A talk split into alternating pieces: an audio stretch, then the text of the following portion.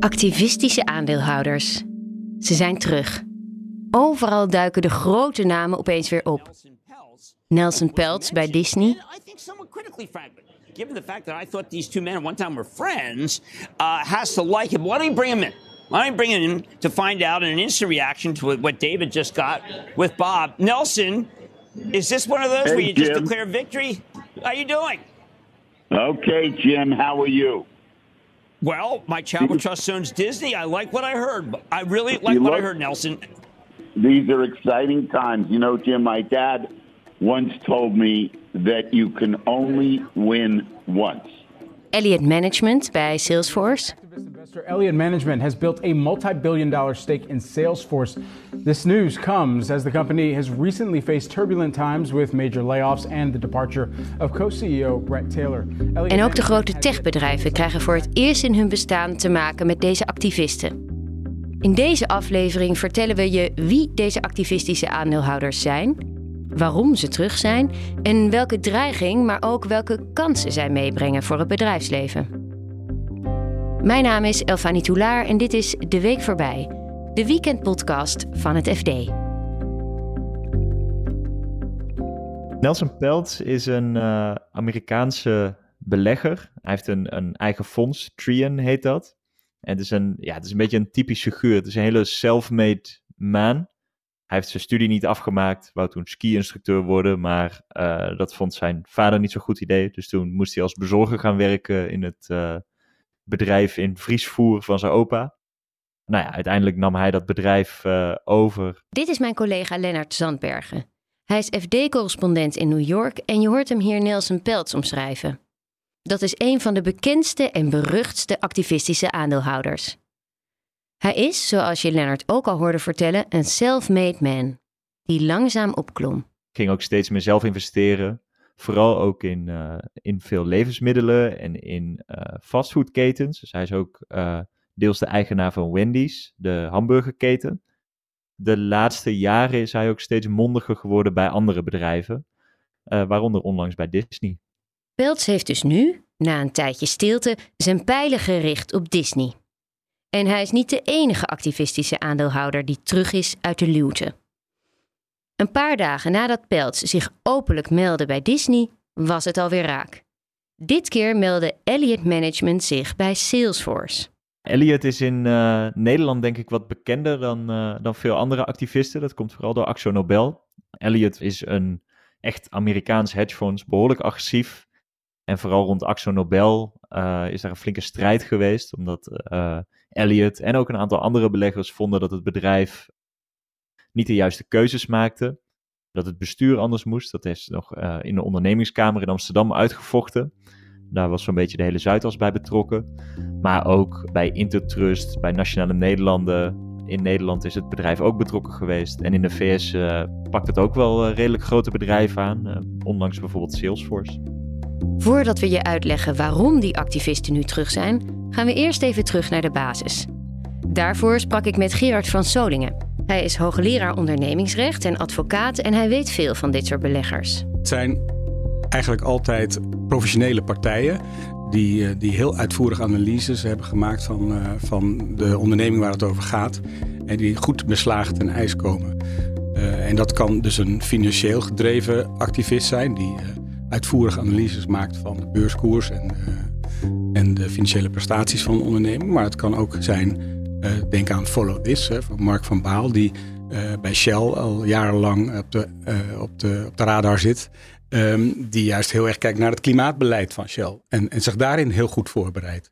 Dus, maar het zijn, het zijn geen eendagsvliegen. Dat, dat beeld bestaat vaak wel, opportunistische eendagsvliegen. Maar het zijn mensen die, partijen, die heel goed weten waar ze het over hebben. Ja, het is een beroep eigenlijk. Ja, dat, ik, daar zijn ze dagelijks mee bezig. Ja. En dat soort ondernemingen die beleggen ook vaak in duizenden beursfondsen over de hele wereld. En ja, dan, dan afhankelijk van wat, wat er aan de hand is, eh, richten ze zich op die onderneming dan op die, of op groepjes ondernemingen of bepaalde sectoren eh, waarin, waar trends eh, waarneembaar zijn. En dan eh, gaan ze aan de slag. En welke middelen hebben ze dan tot hun beschikking? Nou, een van de machtigste wapens van activistische aandeelhouders is dat zij proberen hun onderwerp, hun item op de agenda te krijgen van de algemene vergadering van aandeelhouders. dat recht hebben ze. Dat in het Nederlandse recht is dat net zo als in, in het Amerikaanse of, of het Franse recht. Ehm, bij een bepaald percentage. En dat wisselt per onderneming, maar zeg maar tussen de 1 of 3 procent ehm, hebben ze het recht, dus 1 of 3 procent aandelenbezit, het recht om uh, zoiets op de agenda te zetten. Daar is een heel strijd over geweest een paar jaar geleden in Nederland bij Axo Nobel. Want daar wilde een activistisch aandeelhouder, Elliot, ook uh, iets op de agenda zetten. Nou, toen was de vraag, en daar heeft uiteindelijk onze hoogste rechter, de Hoge Raad, ook een oordeel over gegeven, is de vraag: mogen ze nou alles op de agenda zetten of alleen over de dingen waar de aandeelhoudersvergadering iets over te zeggen heeft? En toen heeft de Hoge Raad gezegd: Nou, die verplichting is er niet om alles maar op de agenda te zetten wat er gevraagd wordt, alleen dus over de dingen waar de aandeelhoudersvergadering echt iets over te zeggen heeft. En andere onderwerpen, uh, dat mag, hè, dat mogen ze vragen, maar dat is geen verplichting. Dus bijvoorbeeld de strategie van de onderneming, dat hoort, dat hoort bij het domein van het bestuur. Het bestuur bepaalt de strategie. En dat is niet aan de aandeelhouders. Dus ze mogen daar wel iets over vinden, ook iets over agenderen, maar dat hoeft niet op de agenda. Dus dat, dat is in Nederland een beetje de stand van zaken nu. Daar is ook wel kritiek op, op die uitspraak. Maar goed, dat is wat het nu is. Maar toch proberen de aandeelhouders via agendapunten hun, hun uh, items naar voren te krijgen. En als ze dat lukt, als dat lukt, dan, uh, dan wordt er dus over gesproken en mogelijk over, gestemd als dat, uh, als dat mag. En dan dan kunnen ze een soort momentum creëren waardoor andere aandeelhouders, want ze hebben tenslotte maar 1 of 2 procent, maar andere aandeelhouders meegaan. En dat heb je in 2007 gezien bij ABN AMRO. Er was een 1% aandeelhouder die vroeg toen opsplitsing van ABN AMRO. Dat was toen een heel groot wereldwijde bank. veel anders dan nu. Dat, dat hebben ze voor elkaar gekregen. En dat heeft uiteindelijk ook geleid tot, tot een opsplitsing van ABN AMRO. Uh, doordat andere aandeelhouders daarin meegingen. Hoe gaat dat dan? Uh, tijdens zo'n vergadering uh, krijgen ze dan recht om hun agendapunt toe te lichten en letterlijk mensen over te halen? Ja, dat, dat, ze krijgen dat zeker. Maar eigenlijk gebeurt er voorafgaand aan zo'n vergadering veel meer. Dan, dan wordt het geagendeerd en dat is dan weken ervoor al bekend. Het wordt gepubliceerd. En dan begint de publiciteitsmachine te draaien. En vaak hebben ze een heel uitgekiende communicatiestrategie. Uh, waardoor dat, waardoor iedereen daarvan op de hoogte wordt gesteld. En dan proberen ze op die manier mensen over te halen. En als het bestuur dan wat onwillig is, bijvoorbeeld zegt, nou, we weten niet of we dat wel willen, dan kunnen ze altijd nog naar de rechter stappen. En in Nederland hebben we de ondernemingskamer, die dat voor dat soort zaken er is. En dan creëren ze nog meer momentum. Want zaken bij de ondernemingskamer, die genereren altijd enorm veel publiciteit. Kijk maar naar het Financieel Dagblad, dat altijd vooraan zit als, als er iets speelt bij de ondernemingskamer.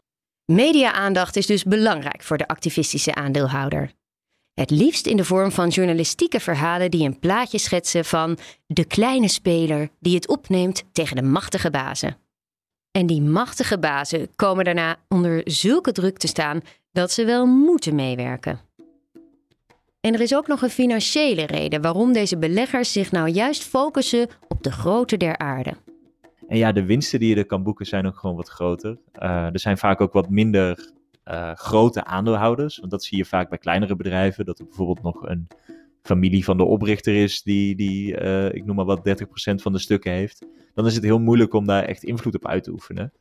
En juist bij zo'n groot bedrijf met heel veel aandeelhouders, dan, dan is dat toch vaak wat makkelijker. De reden dat de activistische aandeelhouders zich een tijdje koest hielden, had alles te maken met hoe de wereld ervoor stond. Toeslaan tijdens een wereldwijde pandemie geeft nou niet bepaald de beste PR.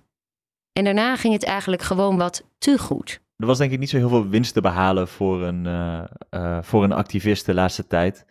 Uh, de beurzen gingen eigenlijk alleen maar omhoog. Uh, de rentes lagen heel laag, dus daardoor konden bedrijven ook heel goedkoop aan schulden komen om te investeren. Uh, of om aandelen terug te kopen, en die, zodat beleggers daarvan profiteerden. En dan, uh, ja, dan is er voor, voor activisten eigenlijk weinig te halen. Uh, die doen het eigenlijk een stuk beter als bedrijven het slecht doen. En als zij erop kunnen wijzen dat, ja, dat het, het, het, beleid gewoon beter moet. Dat het bestuur anders moet. Dat bijvoorbeeld divisies moeten worden afgesplitst. Dat zijn een beetje de typische eisen die activisten vaak hebben. Ja, en nu is de tijd daarvoor rijp? Ja, absoluut. Ik denk dat iedereen wel doorheeft dat het zeker in het afgelopen jaar op de beurs vooral omlaag is gegaan. vooral bij techbedrijven zie je heel erg dat er voor het eerst eigenlijk een soort realisatie ontstaat van, oh, deze bedrijven moeten niet alleen maar groeien, groeien, groeien en die winst komt wel een keer. Nee, het is wel echt duidelijk dat ook de Facebooks van deze wereld en ook dus bijvoorbeeld een bedrijf als Salesforce, dat het wel echt tijd wordt dat die ook nu al winst maken en laten zien dat ze ook gewoon efficiënt kunnen zijn en niet alleen maar uh, geld kunnen uitgeven. Wat de activisten met de bedrijven willen, verschilt. Maar er is één constante: meer waarde creëren voor de aandeelhouders. Hoe ze dat willen bereiken is iedere keer weer anders. Vaak komt het er een beetje op neer dat zij vinden dat het bestuur van een bedrijf uh, zich niet goed concentreert op de core business. Dus ze zeggen vaak van, nou ja, dit bedrijf heeft twee divisies en uh, waarom split je dat niet op? Uh, dat is een heel concreet voorbeeld daarvan. Het kan ook zijn dat een bedrijf bezig is met investeren in iets waar dan de aandeelhouders zoiets van hebben van, nou, dat, dat kost gewoon te veel geld. Dat was bijvoorbeeld bij Disney een beetje het probleem. Uh, Disney is natuurlijk nou ja, bekend van de films, van de pretparken. Maar Disney probeert ook te concurreren met Netflix en met Apple en met Amazon als het gaat om streamingdiensten. Maar ja, als je dat goed wil doen, dan moet je natuurlijk een enorm aanbod hebben. Want anders dan uh, zijn je abonnees, uh, zodra ze alles hebben gezien, wel weer weg. En ja, dat kost natuurlijk heel veel geld om te ontwikkelen. En uh, nou ja, dan zeggen activisten toch al snel van, hey, dit, dit kost wel te veel geld. Uh, jullie moeten mensen ontslaan, jullie moeten dit op een andere manier doen. Doe die strategie wat, wat uh, soberder, wat efficiënter dus eigenlijk gewoon. Ja, en hoe inhoudelijk is dat dan in het geval van Disney? Hoe ver gaan ze dan met hun wensen? Dat hangt er heel erg van af. Je hebt activisten die, um, dat is bijvoorbeeld bij het Nederlandse Unibil Rodamco geweest. Dat is een vastgoed uh, investeerder. Die heeft allerlei winkelcentra. En daar was het een oud topman van het bedrijf die heel erg kritisch was op, de huidige, op het huidige management. En die zei van nou, ze moeten alles in Amerika verkopen, ze moeten dit doen, ze moeten dat doen. En daar was, nou, die kwamen ook met een document van 40 pagina's met allerlei dingen die heel concreet waren. Nou, soms is het inderdaad gewoon wat, uh, wat simpelder. Dan is het echt gewoon van, nou, jullie hebben te veel werknemers, jullie hebben te veel vet op de botten, jullie moeten uh, geld terug gaan geven aan aandeelhouders, meer dividend uitkeren. En dan uh, is de boodschap eigenlijk van, nou, en zoek zelf maar uit hoe je dat doet. Maar wat daar vaak ook bij komt kijken, zeker in de Verenigde Staten, is dat zo'n activist ook gaat eisen om een stoeltje te krijgen in het bestuur van het bedrijf. Dan kan zo'n activist bij alle, alle besprekingen zitten en dan kunnen ze ook daar hun invloed uitoefenen. en dan komen daar, zo is een beetje het idee, de, de echt concrete ideeën wel. En gebeurt dat ook vaak?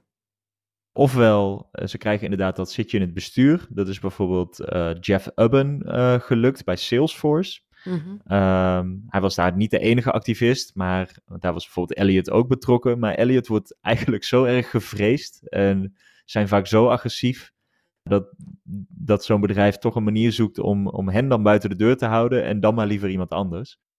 Uh, die dan ook wel activistisch is, maar wat minder agressief. En, uh, maar wat wel heel vaak lukt, is dat een bedrijf inderdaad wel beter presteert nadat zo'n uh, uh, activist aanklopt. In ieder geval op de beurs. Dus wat je ook vaak ziet, is dat zeker als Elliot of een andere grote naam zich bij een bedrijf mengt. En dat doen ze eigenlijk vaak maar met 1% van de aandelen. Niet, niet, vaak niet eens de hele grote belangen. Maar juist met dat ene procentje en dan heel mondig zijn. Ja, veel andere beleggers zien dan meteen van, ah, hier komt wat reuring. En nou, nu moet het bedrijf zich toch wat meer bewijzen. En dat kan alleen maar goed zijn voor aandeelhouders. En, nou ja, bijvoorbeeld in het geval van Disney zijn ook daadwerkelijk wel de meeste wensen van, uh, van die Nelson Peltz, die zijn ingediend, ingewilligd.